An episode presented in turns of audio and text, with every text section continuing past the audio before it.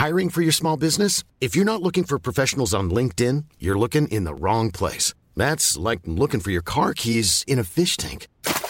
LinkedIn helps you hire professionals you can't find anywhere else, even those who aren't actively searching for a new job but might be open to the perfect role. In a given month, over 70% of LinkedIn users don't even visit other leading job sites. So start looking in the right place. With LinkedIn, you can hire professionals like a professional. Post your free job on linkedin.com slash people today. Everyone knows therapy is great for solving problems, but getting therapy has its own problems too, like finding the right therapist, fitting into their schedule, and of course, the cost. Well, BetterHelp can solve those problems. It's totally online and built around your schedule. It's surprisingly affordable too. Connect with a credentialed therapist by phone, video, or online chat, all from the comfort of your home. Visit betterhelp.com to learn more and save 10% on your first month. That's BetterHelp, H E L P.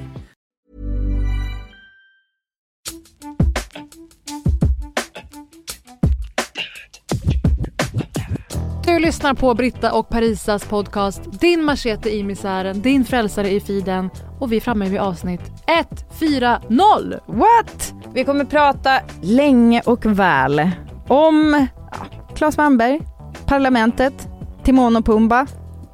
Och tydligen så har Claes Malmberg begått aktivism i sin parlamentets sketch som är vida kritiserad för att den förlöjligar eh, när gängkriminella dör. Vi går igenom de olika aspekterna och faktorerna man kanske har missat. Vad är satir och inte? När är det okej? Okay? Och vad händer med Claes Malmbergs ursäkt? Ja, som ni fattar så blir det lite snack om cancel culture också. Det slängde vi in där. Välkomna! Välkomna!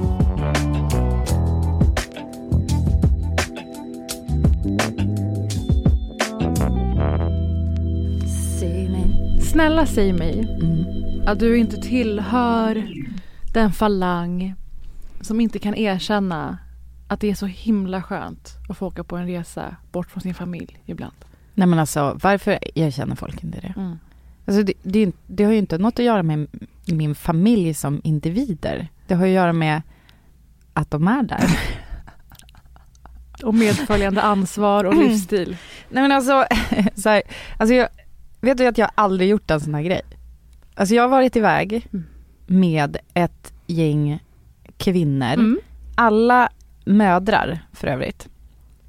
Eh, så att det, det var ju inte brist på njutet att typ så här, här ligger jag och läser en bok. Var det, det ingen... en enda person som var så här, men tänk om mina barn var här, då hade det varit ännu härligare. Nej men alltså det, grejen är att båda kan finnas, alltså man kan också tänka mm. så här, åh jag skulle verkligen vi, vilja visa mina barn där och en visa Kalle. Resa, en, separat, en annan gång. Exakt. Inte den här gången Nej. och jag vill vara här klart.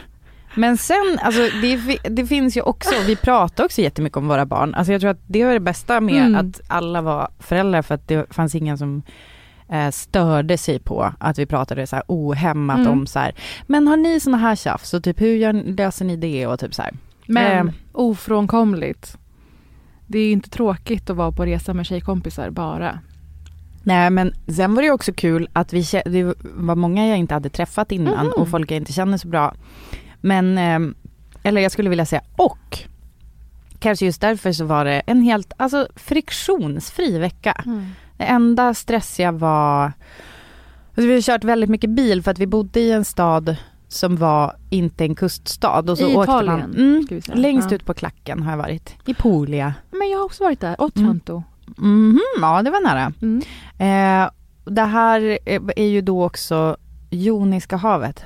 My fucking det är något love. Annat. Verkligen. Ja men det turkosa vattnet. Mm. Alltså jag har varit på grekiska, jag har attackerat det från grekiskt håll med, med Korfu och Kefalonia. Man är i princip i Tunisien. Det är helt otroligt. Och då ja det är så det ser ut där. Ja. Mm.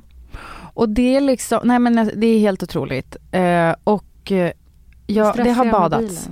Ja det stressiga med bilen är, oh, alltså de kan inte, okej okay, det här är en jätte, det här, okay, det enda stressiga är en jätte eh, vad ska man säga, en väldigt snäv målgrupp. Eh, det är människor som sätter väldigt eh, stort värde i att eh, köra på en motorväg på rätt sätt. Mm. Därför att här, alltså de, de stannar alltså de, det blir så farliga situationer, de kan liksom inte av någon anledning så läser de inte trafiken utan de liksom stannar upp och så blir det så tre bilar i rad och så blir det kaos och det blev jag väldigt upprörd över tydligen. Men det var, det kanske säger något om min vecka att det var mm. enda, det var enda grejen som jag störde mig på. Mm.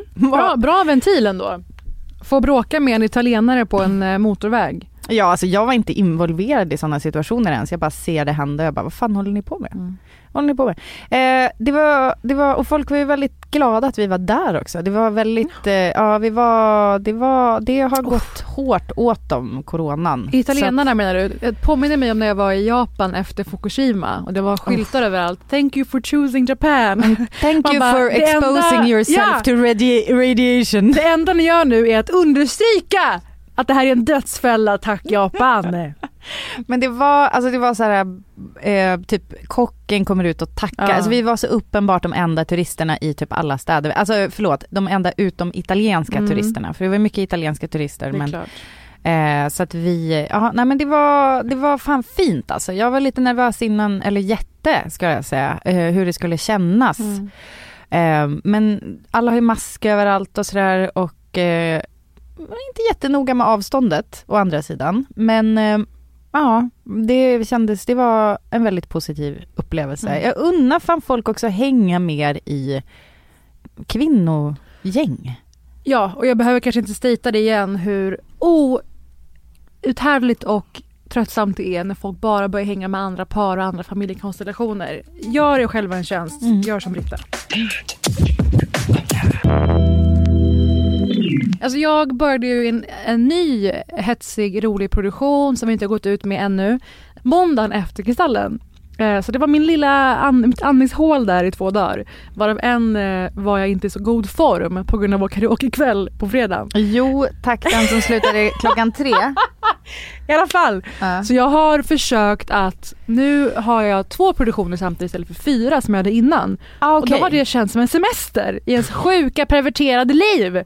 Så då har jag försökt att förena, jobba mycket på dagarna, skriver ja. roligheter, ni ska få höra snart vad det är. Mm. Och eh, varva det med att träffa kompisar på kvällarna. Kul grej folk gör. Det är intressant att du har upptäckt det. Uppfattat att mm. andra jobbar och ändå lyckas umgås med folk. Ja, ha privatliv sådär. Jaha, så de fortsätter inte jobbet efter de har ätit middag och så sitter de med datorn hela kvällen och jobbar? Och ändå får de lön.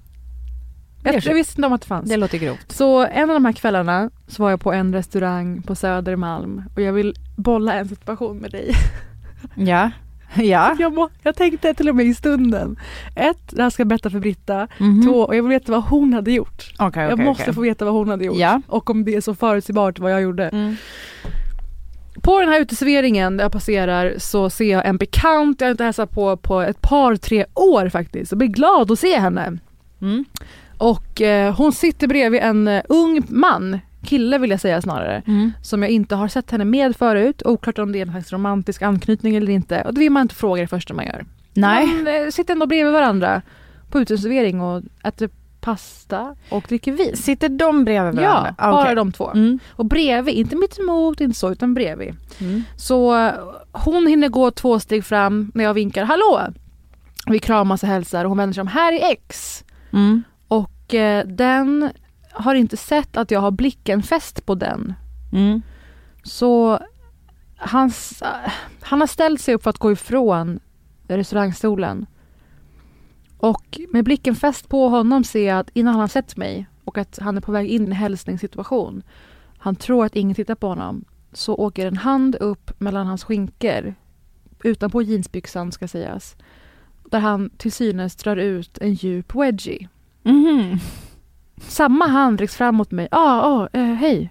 Ah, okay. Han ska hälsa på mig yeah. med handen som pre precis förlöst honom ur en mycket djup kalsong-wedge mm. upp i hans skinkor mm. förmodligen. Um, den hade grävt. Och i och med att det var så att den kanske inte heller såg att jag tittat på honom så pass länge. Mm. Så kanske han trodde att jag inte skulle märka det. Ja, Absolut. Och även om han bara klädde utanpå jeansröv mm. så är det en olycklig situation. Verkligen. Jag ja. Så det första jag måste fråga är Britta. Vad hade du gjort med denna utsträckta hand? Eh, jag hade sagt så här, du den där handen grävde nyss ut en wedgie. Ja, ja. Jag, alltså, jag, hade ju skämt, alltså jag hade ju sagt det som ett skämt. Alltså typ som så här. Alltså, alltså såhär wow typ, hörru jag såg att du grävde där. Jag, I ain't touching that. Va? Okej, där, där har ni Brittas svar på hur hon skulle hantera situationen. Är, det, en, är jag sjuk i huvudet? En kvinnlig bekant är ute med någon. Ja, som kan vara hennes kille. Och en hand har precis kliat utanpå jeansröv. Mm. Upp djupt och sen sträcks fram mot ja. dig. Ja, ah, hej. Ja. Och, och nu ska jag fråga dig. Mm. Vad tror du att jag, Parisa, gjorde med den här utsträckta handen? Jag tror kanske att du gjorde precis samma sak. Så här sa jag. Du, med tanke på vad den här handen var precis, ja. så kanske vi inte ska skaka hand den här gången. jag fann mig ändå i stunden. Ja. Togs det här emot väl?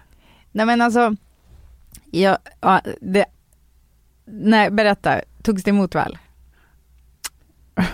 Den här personen valde deny, deny, deny. Aha. Ah, eh, ah, nej, jag bara kliar här och kliar halvvägs ner på knät på baksida lår.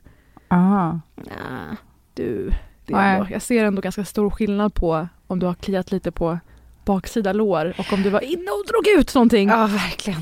Och Så grävde, den, den, valde, gräv, den, den valde den ja. och eh, då körde jag bara en sån nicka med nicka helt mm. enkelt och sen skulle jag och min vän ändå gå. Mm.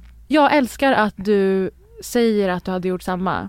Menar du i ärlighetens namn att du inte hade Va? Jag hade hundra procent jag hade hundra alltså jag hade hundra procent sagt så. Ja. Vadå, jag, du jag känner kunde väl inte skaka av mig faktumet vad den handen hade varit. Nej men Nej. också sen, alltså det blir ju också, alltså jag tänker om det skulle vara så, jag tror att jag också förutsätter att den personen Nej men jag vet, alltså Man så vill pass tro ärlig bättre om folks skämt.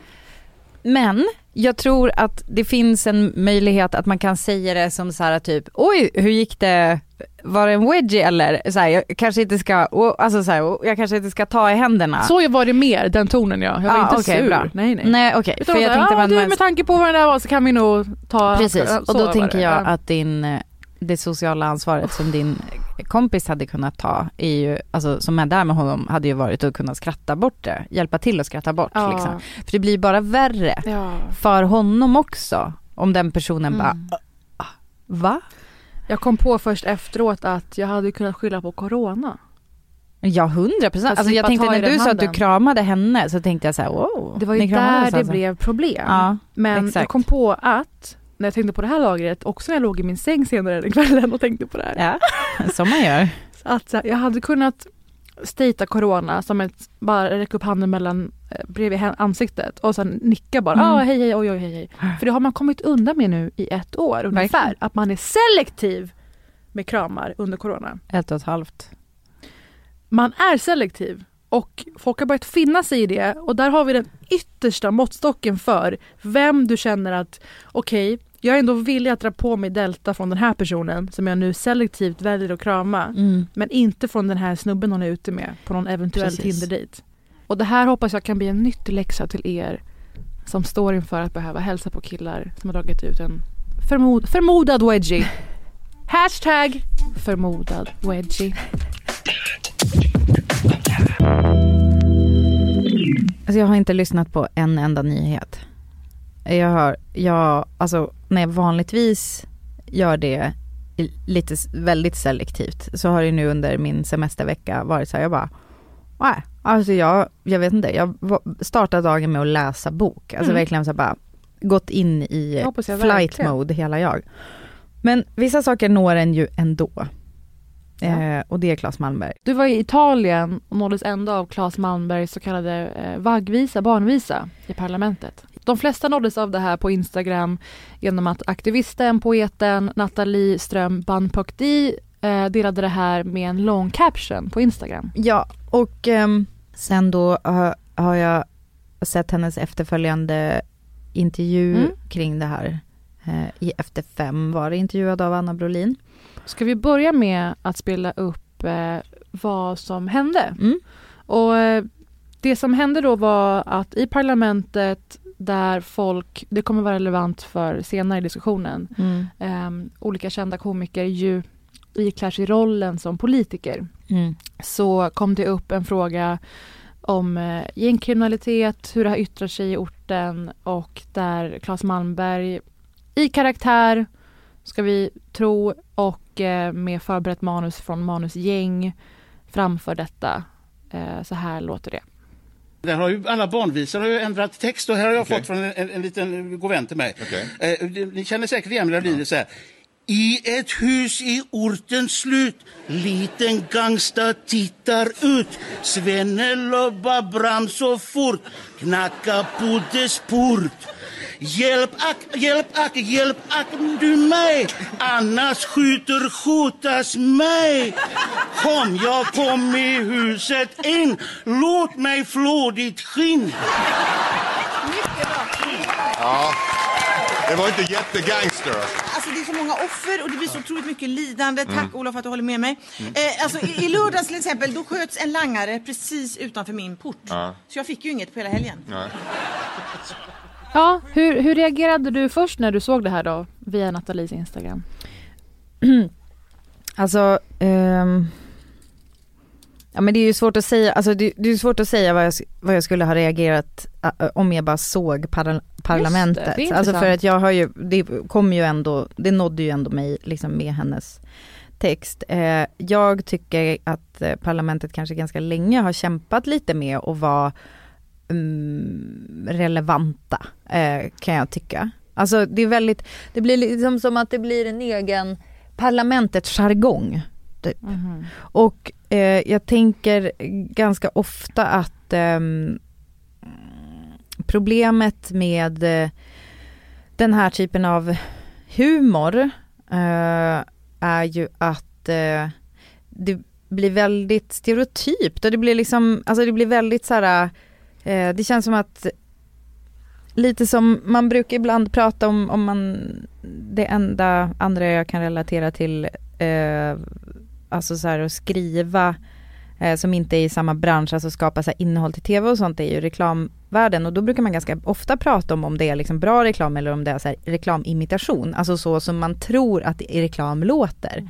Så här, vill du ha tid över och spara pengar? Alltså den typen av reklam eh, blir ju liksom dålig och det är ingen som vill ta den till sig och där tycker jag liksom att, ko att komiken och liksom satiren i Sverige eh, typ ganska länge har låtit så, som mm. en slags, som en slags eh, sliten upprepning av liksom, men det är det så här det låter och då är jag så här, om jag är kvinna som pratar, ja och då så la la la la så lägger man skämtet så här och så, alltså jag vet inte, det är liksom som mm. en sån jävla trött eh, kultur på något sätt. Så jag är ju noll förvånad mm. och jag tycker liksom att det, jag blir också så förvånad över att folk att det kommer åt folk, alltså jag blir ju inte förvånad för eh, innehållet är ju eh, anmärkningsvärt.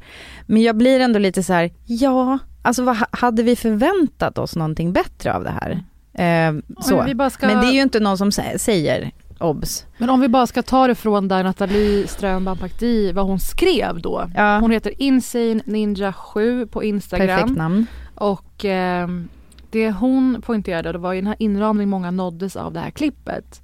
Eh, hon skriver gång på gång, de har alltid gjorts nära av hur vi pratar, hur vi klär oss, hur vi ser ut. Med det sagt, att sjunga en vaggvisa om våra tragiska mord som drabbat och fortsätter drabba oss med en tillgjord dialekt ska vara något att skratta åt och applådera åt. Det visar hur tydligt och konkret avhumaniseringen tar form. Och hon kritiserar även Petra Mede. Mm. Att hon så tydligt visar då klasskillnader och främst människosyn. Och hon menar på att det kan inte bli tydligare eh, än när några av Sveriges mest välkända profiler sjunger och hånar vår död.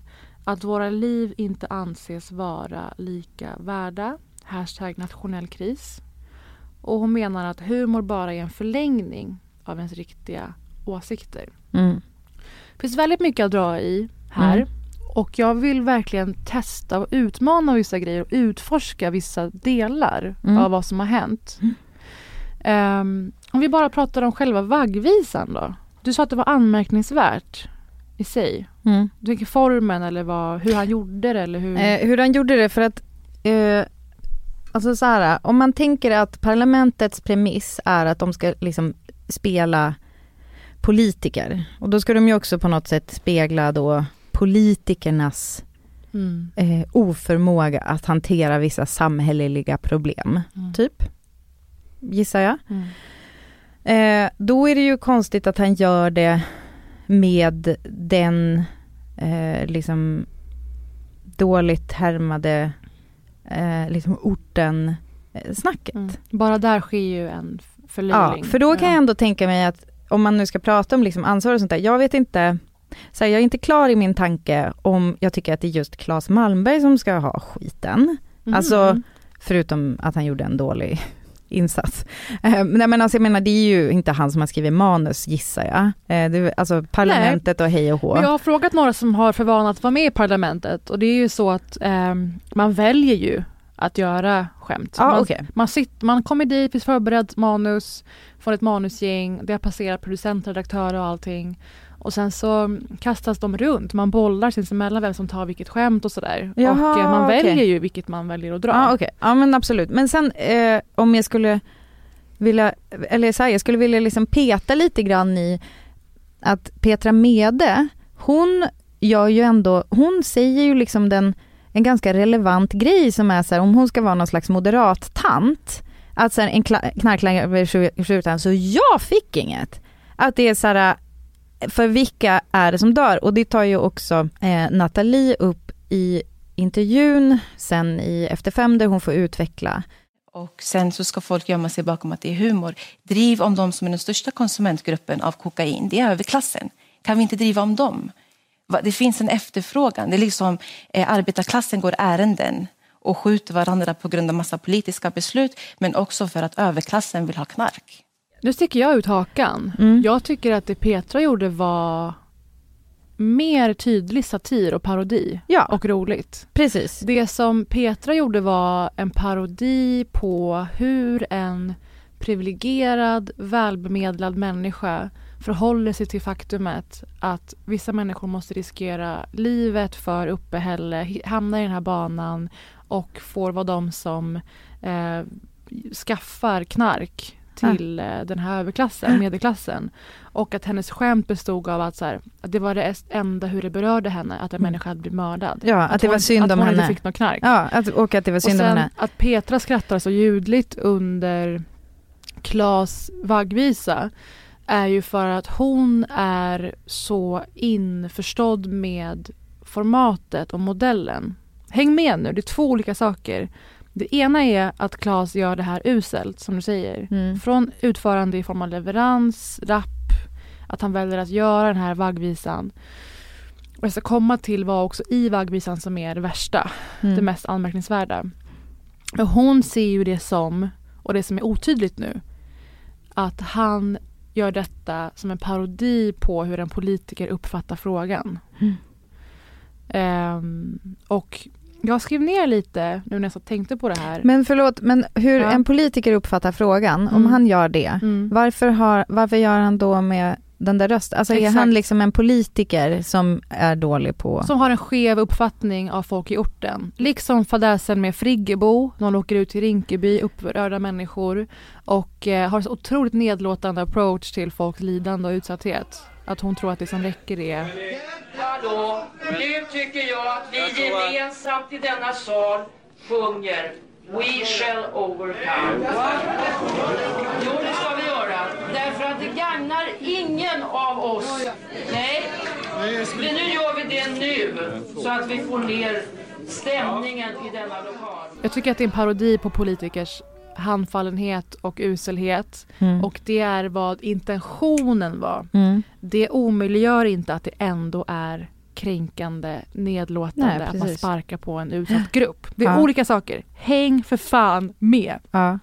Det andra är frågan om man är i karaktär eller inte.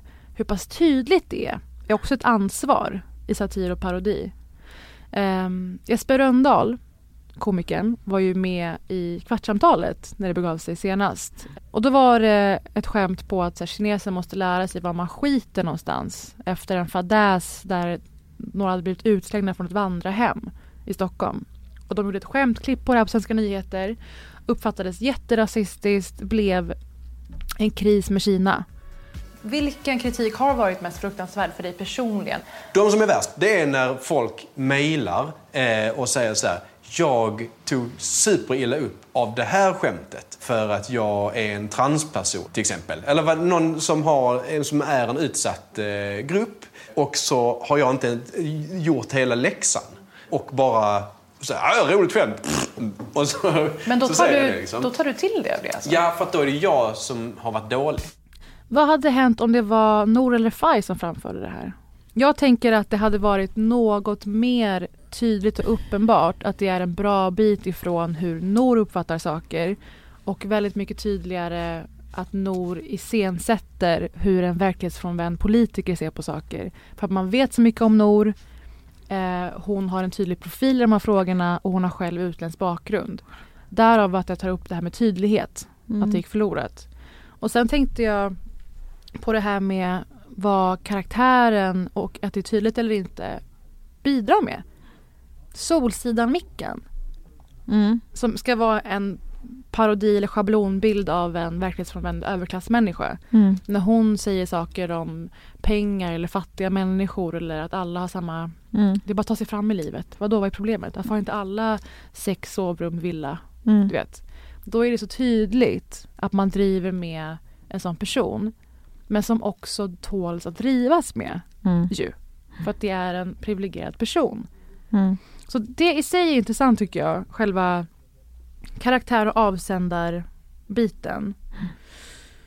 Och om det framgår eller inte att Klas är i parodi eh, som politiker. Men alltså, jag, vet du vad? Ja. Jag känner också så här, ehm, eh, den typen av, alltså så här, verkshöjden. Alltså jag känner bara så här, vad, ja. alltså, det är så trött. Och där finns det också en, alltså humorn är den är som bäst. Om vi tar till exempel VIP. Ja. Som ja. är, alltså där har vi Julia Louis Dreyfus har ju liksom, alltså hon säger horribla saker. Elaine, som de flesta i Sverige vet vem det är, i Seinfeld, -huh. heter Julia Louis Dreyfus och i VIP spelar hon en maktgalen, cynisk, nedlåtande politiker i Washington. Mm.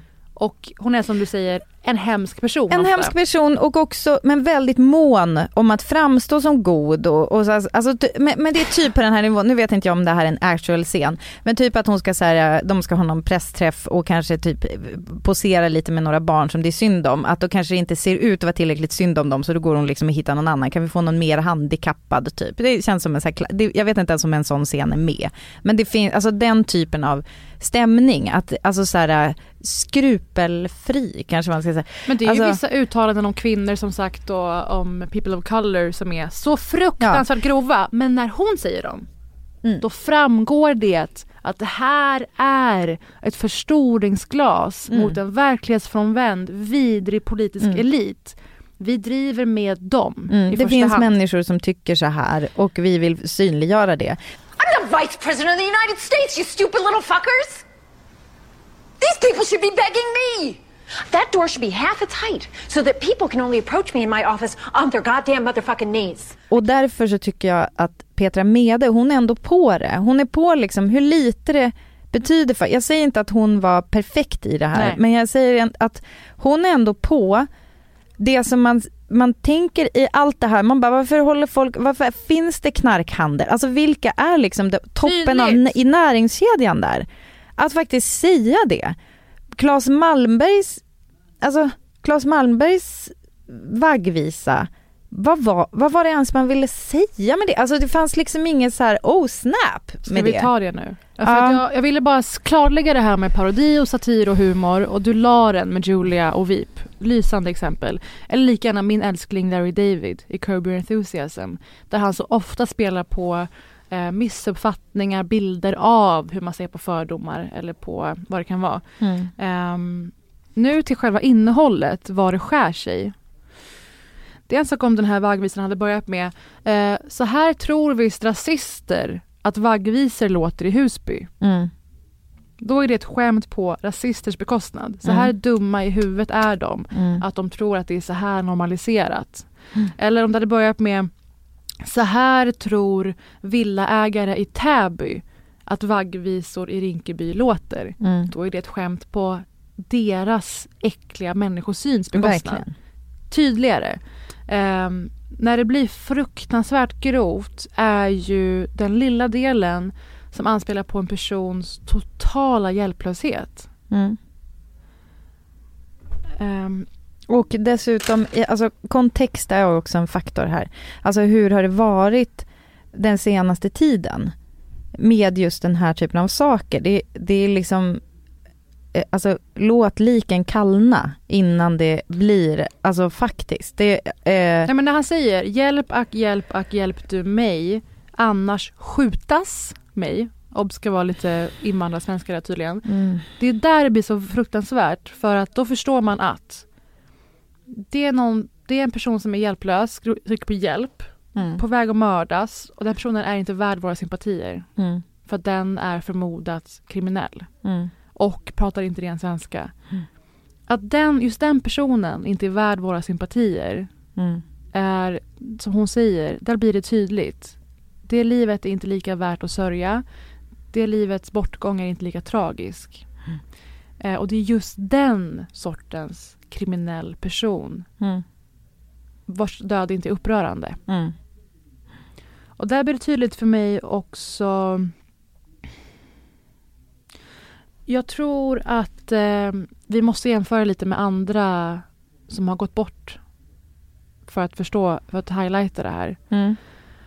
Finns det någon chans att man skulle kunna skratta så här åt, nej men alltså det känns för grovt att säga. Jag mm. kommer knappt på en enda sak jag vågar säga om någon som har gått bort i en skjutning eller liknande. Mm. Och vi har ju dragit senaste åren med att man direkt misstänkliggör någon som dör i vad man antar ens är gängrelaterat. Mm. Det var ju en familjefar som blev skjuten i huvudet på, på ett torg. Eh, Hjällbo. Och väldigt snabbt så kopplades det till gäng och sådär. Mm. En person som bodde och levde där. Mm.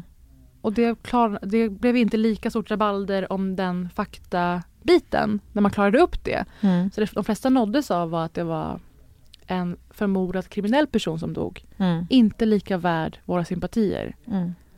Just den biten är fan svår att ursäkta i någon satirform för där sparkar man bara neråt. Är inte kriminella eller eventuellt kriminella värd, våra, värd vår sorg? Eller är det inte tragiskt?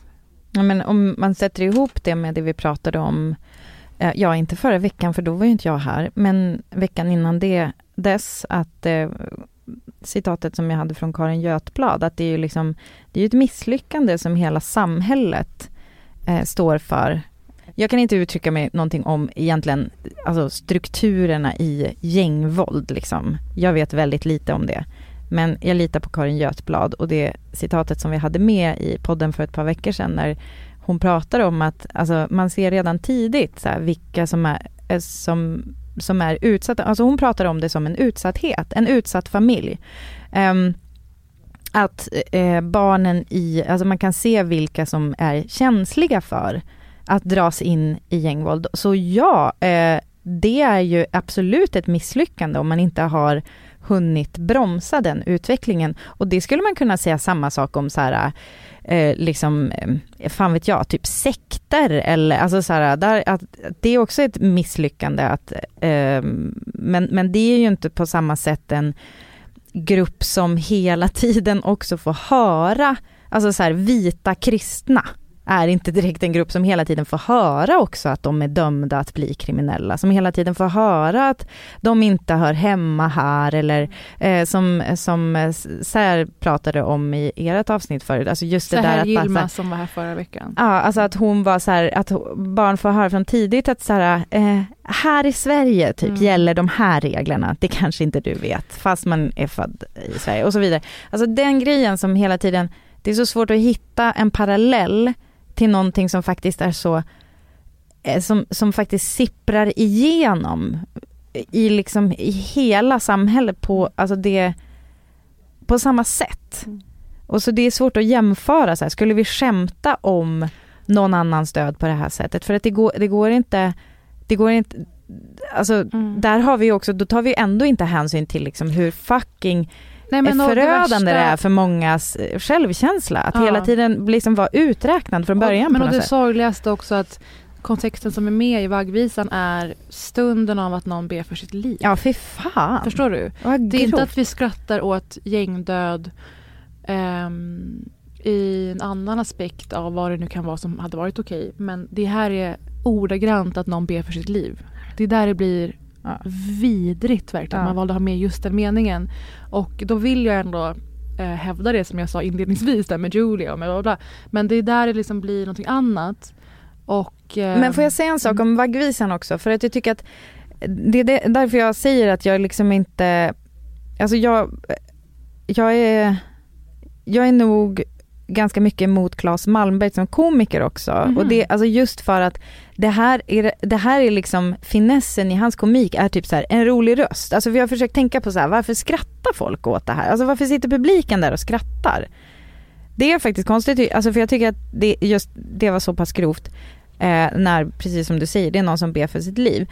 Och då är det, jag tror att det är så här, det är liksom Pumba-rösten som är, alltså liksom ett eh, vad är det, ett, ja. vårt, ett vårtsvin i Lejonkungen. Det är liksom den här rösten. Ja, så det, är ju det... det kanske inte är han som är den rösten. Men... Det är ju avhumaniseringen som Nathalie är inne på. Det här är inte en person som förtjänar våra sympatier eller identifikation heller. Ja men jag menar liksom ja. att, det, ja, men alltså det Claes Malmberg gör, alltså det är som att eh, det, det är inte ens, jag tycker inte att den typen av humor är, alltså det, det är inte ens det är inte ens värt att mm. dra det skämtet om man gör det så finesslöst. Alltså om mm. han nu var ute efter att säga någonting med mm. det här.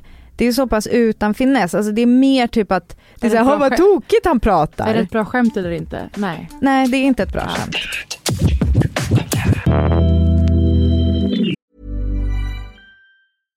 Everyone knows therapy is great for solving problems.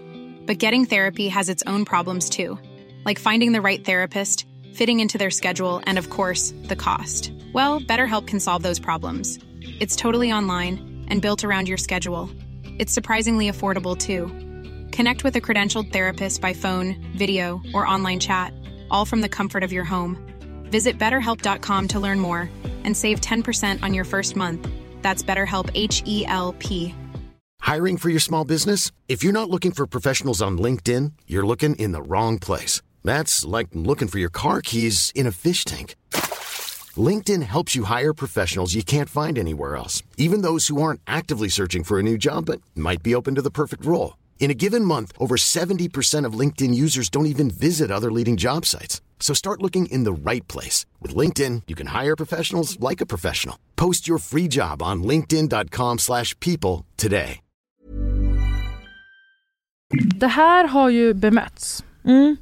Av dels TV4 som menar på att det som alla skrattar åt, det poängen var, var absurditeten i att eh, någon skulle uppfatta situationen så här. Den vägvisa skulle göra som detta på det här sättet. Det är en sak. Eh, sen så kvarstår ju dock frågan att de skulle nog ändå inte eh, kunna göra någonting så vårdslöst om en andra, andras död. Adriana 12-åringen som blev mm. skjuten mm. på macken. Mm. Eh, men till en början så var ju även hon misstänkliggjord bara för att hon bodde i Botkyrka. Ja, var det inte hennes fel ändå att hon dog? Och bidrar inte sådana här grejer till att äh, till inramningen av hennes död ändå? I allra högsta grad. Ja. Mm. Och eh, vi ska också komma till Claes Malmbergs ursäkt. För mm, här blir det intressant. Här blir det intressant vad som går att utläsa ur den och hur han slänger sig från höger och vänster. Och här blir det, det är som ett tidsdokument nästan över 2021. Um, ehm, och jag eh, tänkte bara innan jag går in på vissa delar av den fråga dig, du har inte sett serien The Chair ännu på Netflix? Jag har, inte, jag har sett lite grann av den. Mm. I know of it. Eh, Sandra Oh, som vi uppskattar sett, väldigt förlåt, mycket. Jag har sett Tumnageln ja. på Netflix. Klassiker. Eh, Sandra Oh spelar som vanligt en hyperkompetent men ändå sladdrig person, liksom i Killing Eve, den här fenomenala torpeddramaserie. Här spelar hon någon slags chef på litterära avdelningen på ett amerikanskt college. Och amerikanska colleges har ju utmärkt sig på sistone att vara en sån arena för cancel culture och wokeness som möter en traditionell värld av lärande. som ju privilegierade vita män har rått över i mm. hundratals år. Så det är ju den perfekta spelplatsen för det de tar upp i serien. Vilket är frågan om perspektiv och makt och eh, de har en, som en nidbild av hypermedvetna ungdomar och aktivister och studenter. Mm. Som är ganska, det är ganska synd att det är så de porträtteras i serien var min slutsats efter att ha klart den. Mm. Rolig fin alltså, serie. Alltså menar du, menar du då woke ungdomar? Ja. We're concerned about what's going on in the department. This is already all over social media. This department's hanging on by a thread. Bill's incident is spinning out of control. I feel like someone handed me a ticking time bomb because they wanted to make sure a woman was holding him when it explodes. Nobody wants to come out and support you when you're a scandalous figure. Your boy's toast. Tell me what to do. You're going to apologize. I'm so sorry. I... Oh my god, not to me, dumbass! I am the chair of the department. Let's fucking shake this place up. Rolig fin serie men de, det de, de där dras till sin spets på ett sätt som jag tycker börjar bli en eh, en, en oambitiös slapp bild. Mm. Ja, att de är nästan helt onyanserade i sin iver att få störta någon och mm. att, de, att det inte faktiskt bottnar i äkta engagemang och äkta ursinne över hur världen ser ut mm. och vilja att förändra och inte mm. bara att störta någon för sakens skull, mm. som det ofta framstår. Likaså när det kommer till Nathalie Ström Bampakdi eller någon annan person som eh, punkt, poängterar någonting för att de vill ha förändring. Inte för att de vill bara bli sabba för någon. Mm. Eh, det är det ena. Det andra är att det som blir incidenten som då väcker diskussionen om cancel culture och liknande på colleget är så pass harmlös och enkel och det drabbar skådisen eh, Mark Duplass karaktär. Mm -hmm. En mhm. person som är väldigt älskvärd och gullig alltid i sina roller. Mm. Jag gillar honom väldigt mycket. Transparent och sådär. Han är inte så älskvärd och gullig i Mindy Project. Nej. Mm. Nej. Eh, det är hans brorsa tror jag. Mm, men han är också med. Ah, han ja, är ju en del av mid midwife-gänget. Jag tänkte det. Manliga midwives. Ja. Alltså incidenten som han gör sig skyldig till är så pass harmlös och tydlig att den inte är fel. Att det också blir slappt. Jag kan säga att det är ett Hitler-skämt som går fel kan jag säga. För att nu tror jag många har sett serien. Så får ni se den själva sen. Och eh, nu när jag ska prata om Klas ursäkt så vill jag spela upp hur det går till när den här mannen då, professorn som gör sig skyldig till eh, en incident, mm -hmm. Hitler skämt relaterad incident, när han ska be om ursäkt i serien The Chair. Oh.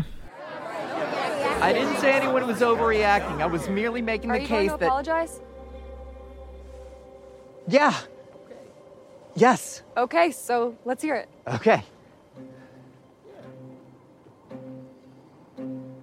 I am sorry if I made anyone feel. If, if, That's not an apology. If I made you, if, if I made you feel. sorry about my feelings. You're yeah. minimizing your responsibility One at a time. by One saying you're sorry for how we feel.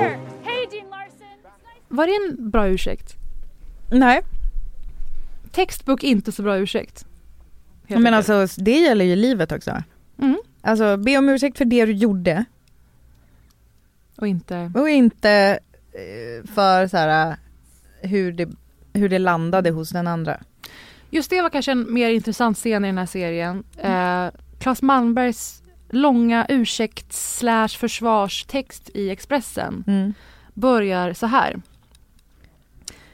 Jag kan till stora delar förstå upprördheten över satiren i parlamentet om man vill tolka det på det sätt som aktivisten Nathalie Ström Bampakti och flera andra har gjort.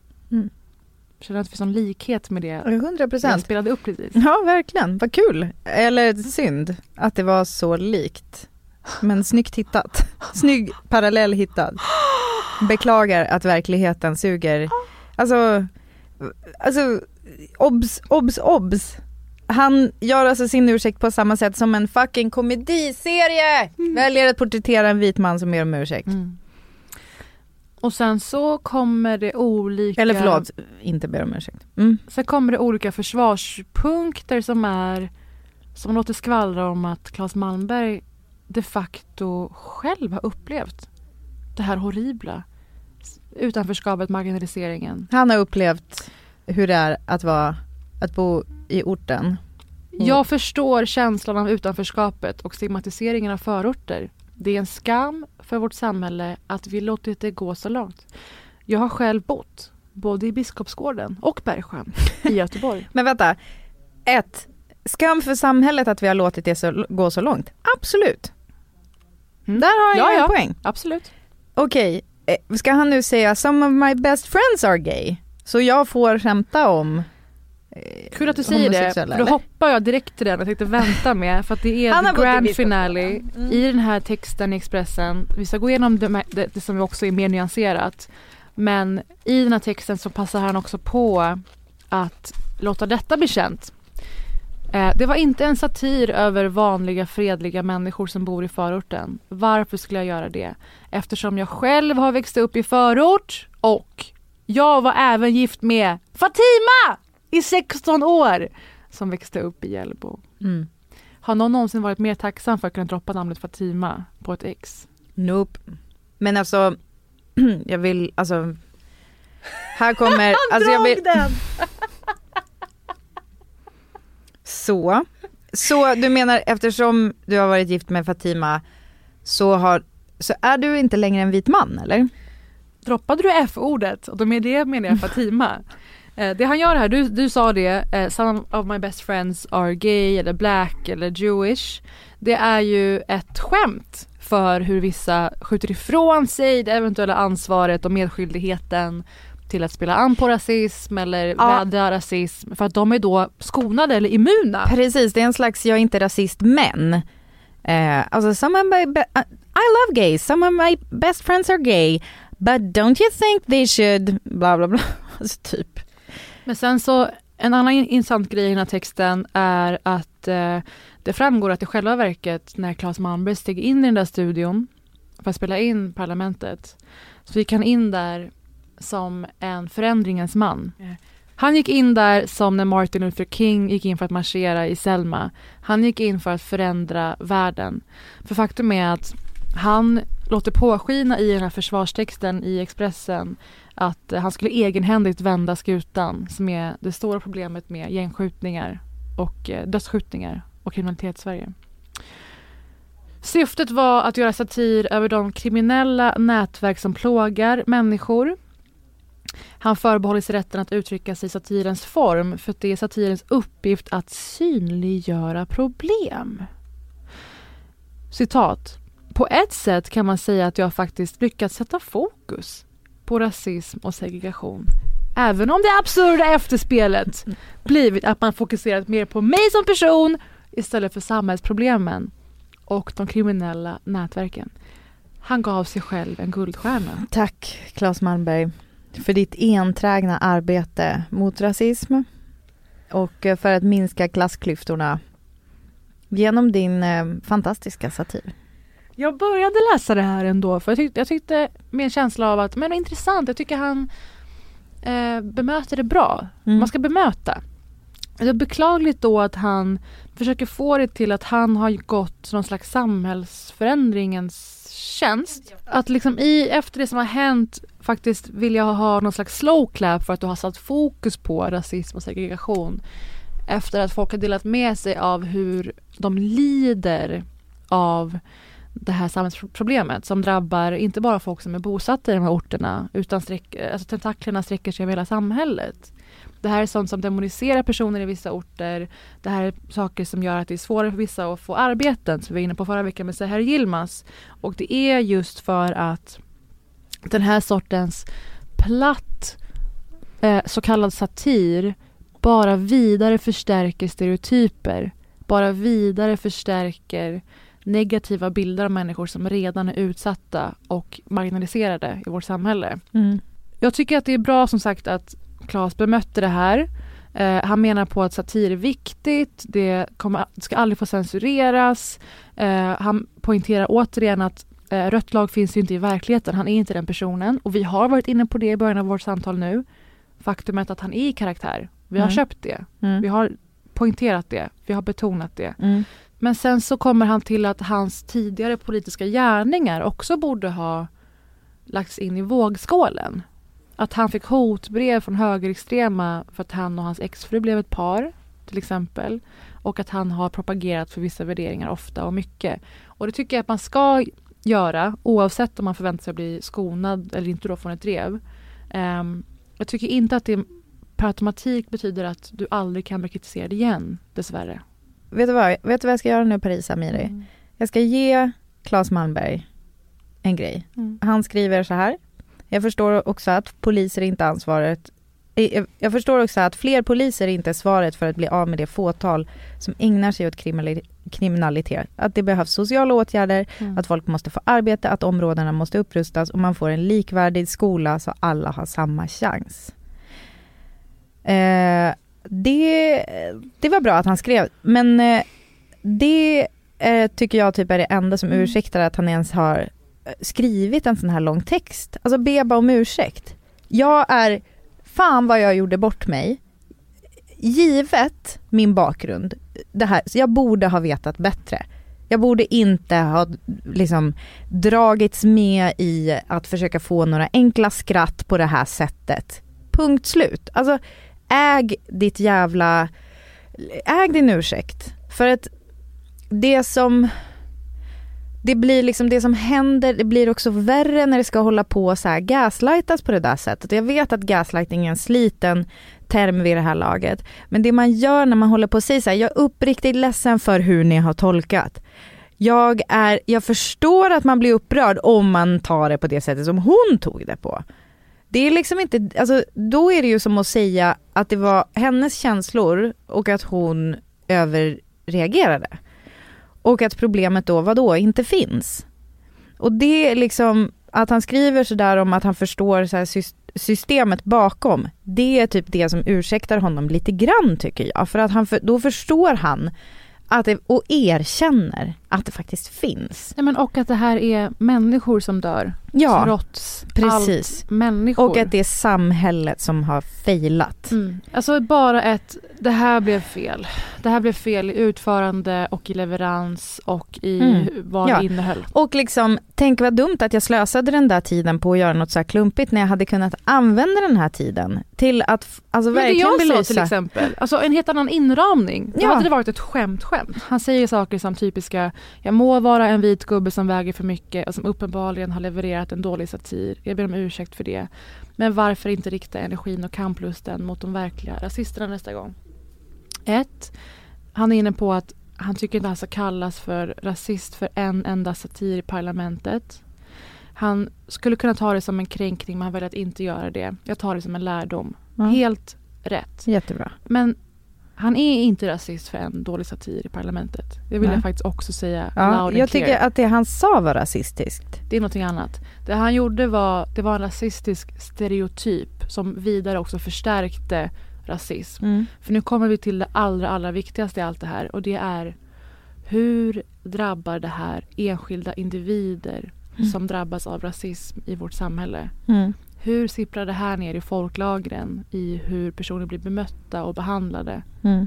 som liknar profilen eh, liknar profilen det som Claes Malmberg gestaltade så mm. fint. Eh, horribelt. Mm. Att de blir vidare misstänkliggjorda, vidare diskriminerade. Och jag vill återvända till Nathalie Ströms, Nathalie Ström Bampaktis eh, otroliga intervju i mm. Efter fem. När hon i slutet av intervjun poängterar kontexten för detta som du är inne på. Hur samhället ser ut i övrigt jämte denna sketch. Då blir det så tydligt vilka det här drabbar och att de ju förtjänar våra sympatier oavsett om de tolkas som kriminella eller de facto är det. För problemet är att det här drabbar ju även de som faktiskt inte är det eller aldrig har varit det. Ja. Så här säger hon. Alltså ja, jag kan referera återigen. Jag tycker det skulle vara väldigt otroligt smaklöst att driva om eh, polisens död. Det tror jag alla i hela Sverige skulle tycka. Varför tycker vi inte det om massa unga människor? Det, är en väl, alltså, det dör folk konstant. Vi säger att det är nationell kris. Vi har blivit vana med ett undantagstillstånd. Mm. Eh, så jag kan bara referera till att det är människosyn. Det bevisar att vi har blivit avhumaniserade så pass länge att om man bor i förorten per automatik blir du kriminaliserad. Och när du är kriminell så anses du, en viss sorts kriminell ska man också tillägga, eh, men när du är kriminell så är du inte människa. Och därför kan man skämta så här om våran död. Så det är människosyn.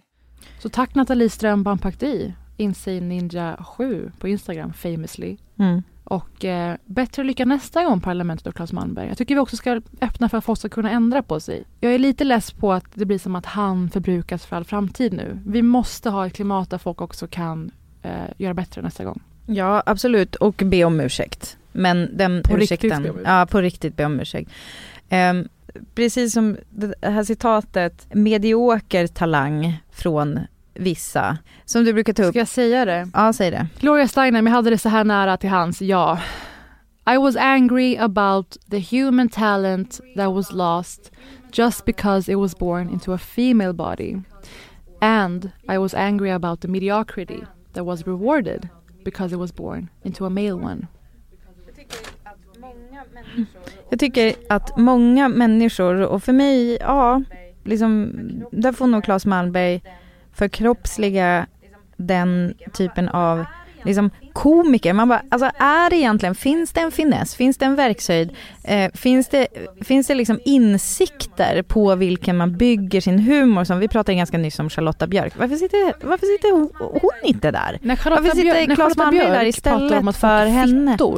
i Charlotta gånger åtta för att de inte låter den karaktären vispa runt kuken, då fattar man att det är i karaktär.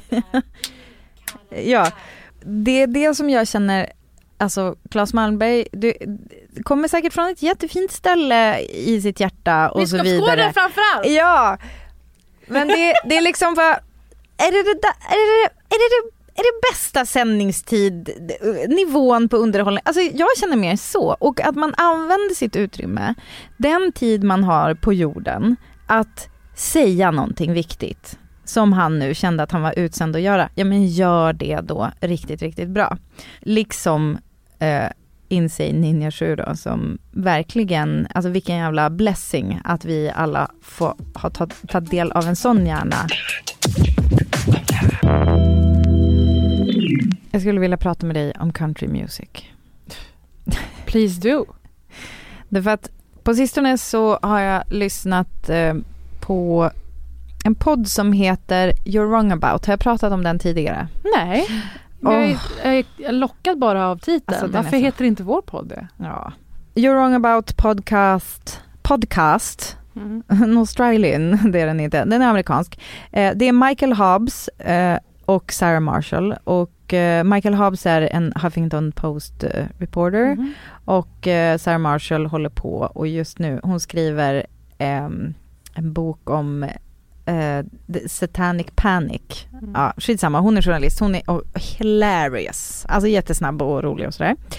Eh, och de pratar om eh, alltså allt ifrån typ, du har fel om Britney Spears till the electoral vote. Mm. Och sen så pratar de eh, i juni typ så släppte de ett avsnitt om cancel culture. Och för att kunna släppa ett avsnitt om cancel culture så kände Michael Hobbs då, som drar det här ämnet, att han måste börja i Dixie Chicks. Mm. Och, och varför? Jo, för att de är ju ändå de, den första gruppen som, alltså där det först blev tydligt liksom att några faktiskt blev cancelled. Eh, och för att dra den storyn lite snabbt så är det då att Dixie Chicks sa ju någonting, så här, i mitt huvud är det så här, ah, det var någonting om kriget i Irak. Folk blev sura. Eh, country radiostationer slutade spela dem.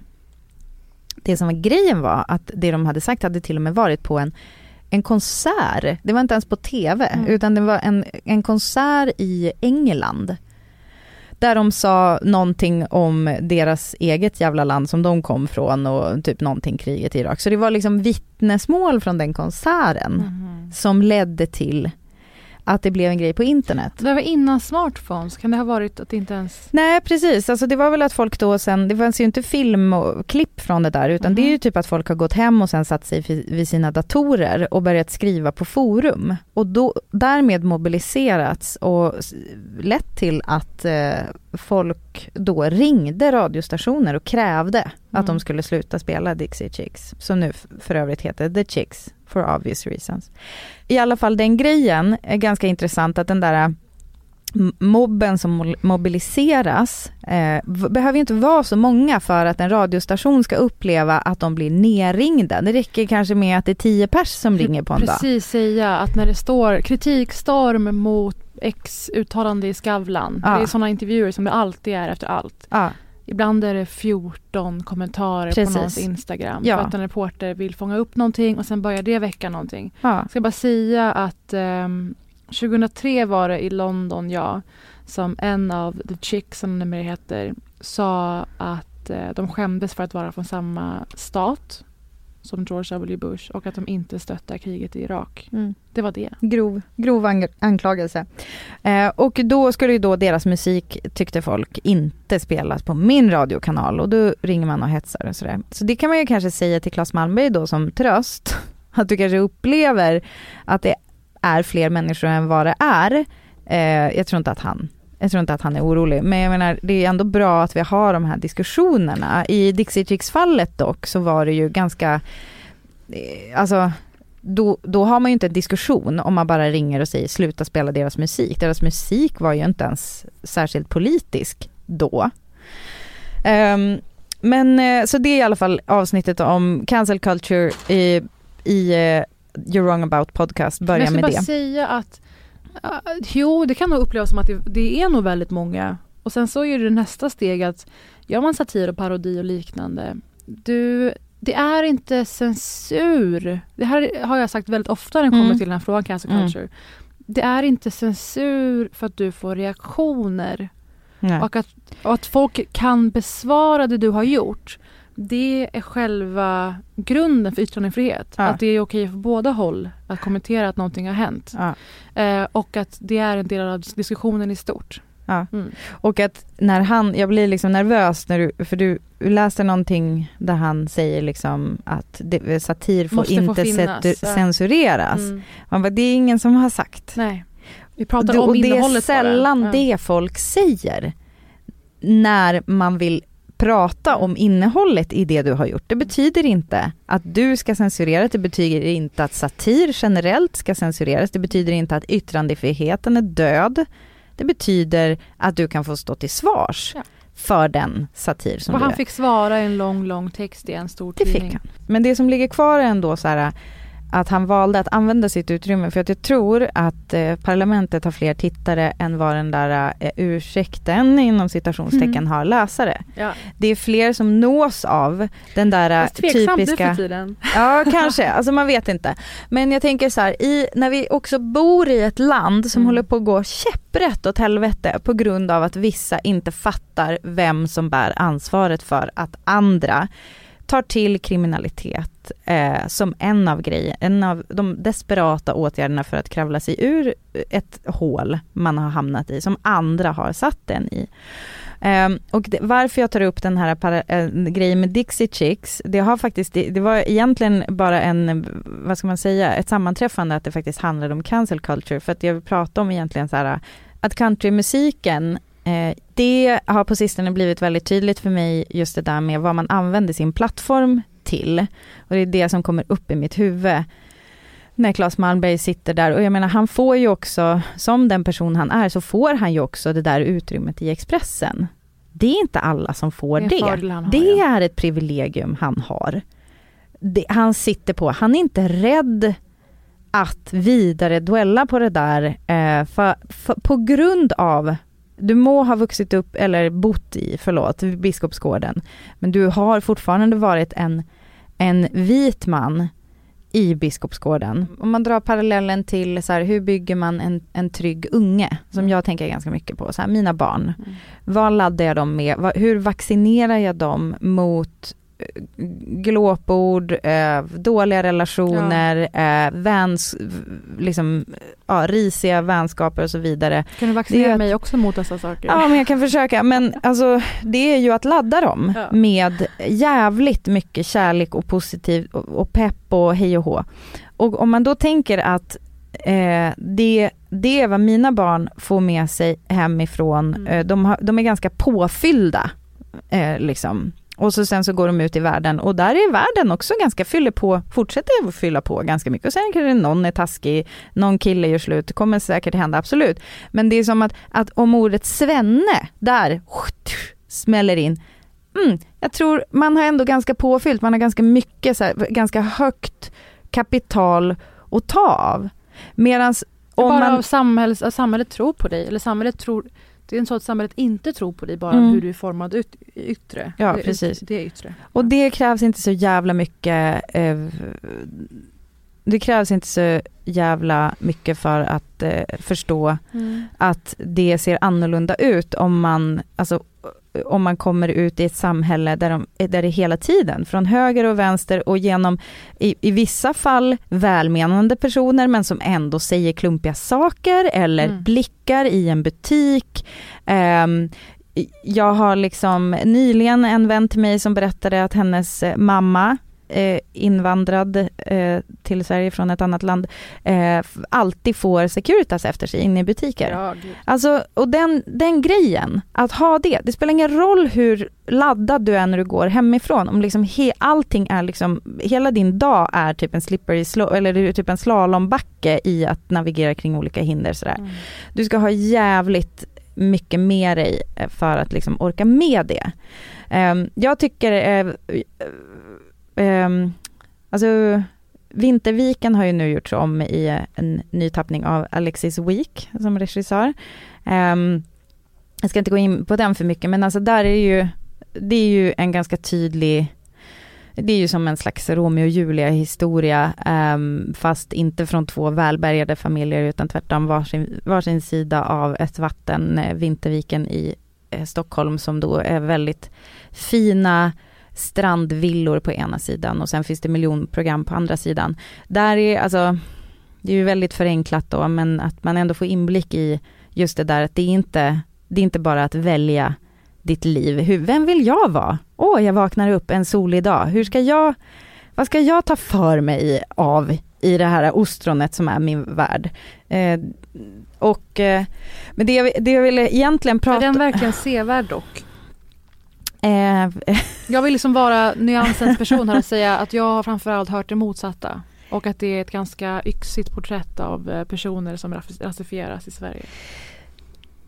Så har vi det sagt. Ja, alltså jag, precis. Jag, jag, eh, om vi säger så här, det var fint foto.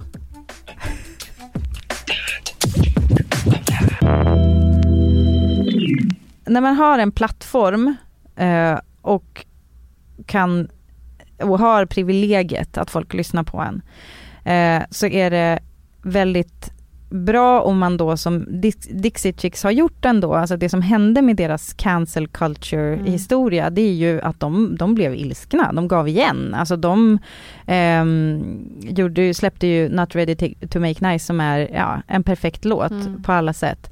Eh, och har fortsatt att, att göra sina röster hörda eh, på det sättet. Men just countrymusiken generellt är ju väldigt fattig på det. Alltså den är väldigt så vit trots svarta rötter. Och därför så blev jag så himla glad när jag lyssnade på Eric Church eh, som är en artist som min man eh, har typ hjärntvättat mig med och jag har inte lyssnat så här skitnoga.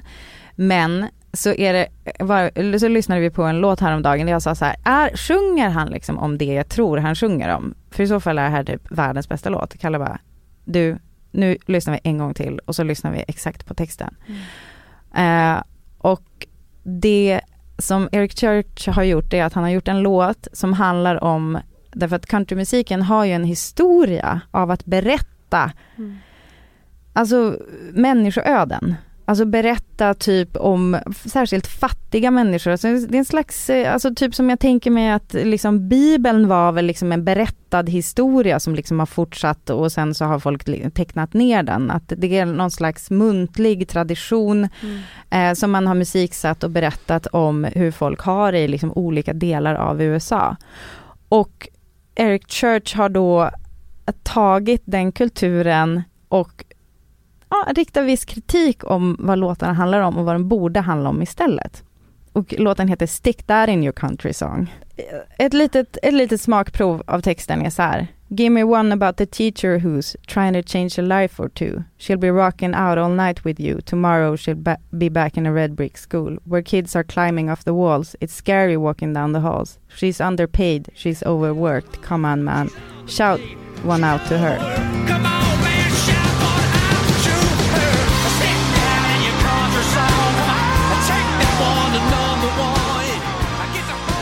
Att använda sin plattform, alltså folk är enkla. Folk hör alltså lite med halva örat. Jag tror, alltså många kommer läsa artiklarna och så bara va? Är folk arga på Claes Malmberg nu för att han skämtar om det där? Vad fan är det? Och så läser de inte ursäkten. De nås inte av den väldigt relevanta kritiken utan det är så här, det är väl typiskt att man inte ska få säga något i det här landet längre. Och då tycker jag liksom att man har ett ansvar, att den lilla tiden man har, liksom använd den Använd den till att säga någonting viktigt. Använd den till att göra en insats. Använd den inte till att göra plump, humor som gör mer skada än nytta. Det här var allt för denna vecka. Som vanligt finns vi på Britta och Parisa på Instagram. Ni kan väl höra av er där med input, tankar, reaktioner, fler paralleller. Frågor och funderingar. När man snackar om det här, att det bara föds nya, alltså nya tankar och paralleller. Som det här du sa med VIP. Eller så här, ja. vad är lyckad satir och inte? Ja. Jag tycker att det är jätteintressant. Eh, se fram emot detta, att ni hör av er. Ska vi höras nästa vecka också kanske? Det gör vi. Det gör vi! Ha det bra! Ha det bra! Bye! Take me on up to Detroit City Jails are full, the factory's empty Mama's crying, young boys dying Under that red, white and blue still flying Drop me off in Baltimore Where every other winter's got a plywood board Where dreams become drugs and guns. The only way out is to shoot or run. Stick that in your country song, yeah. Take that one to number one, yeah. And get the whole world singing along, yeah. Stick that in your country song, yeah.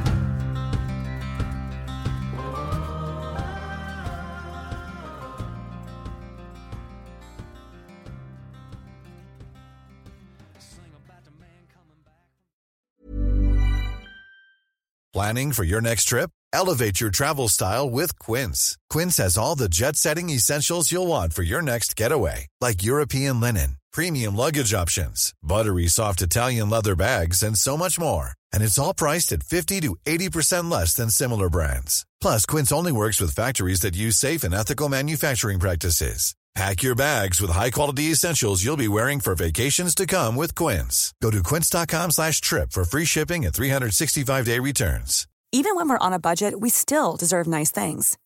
Quince is a place to scoop up stunning high-end goods for 50 to 80% less than similar brands. They have buttery soft cashmere sweaters starting at $50, luxurious Italian leather bags, and so much more. Plus, Quince only works with factories that use safe, ethical, and responsible manufacturing. Get the high-end goods you'll love without the high price tag with Quince. Go to quince.com slash style for free shipping and 365-day returns.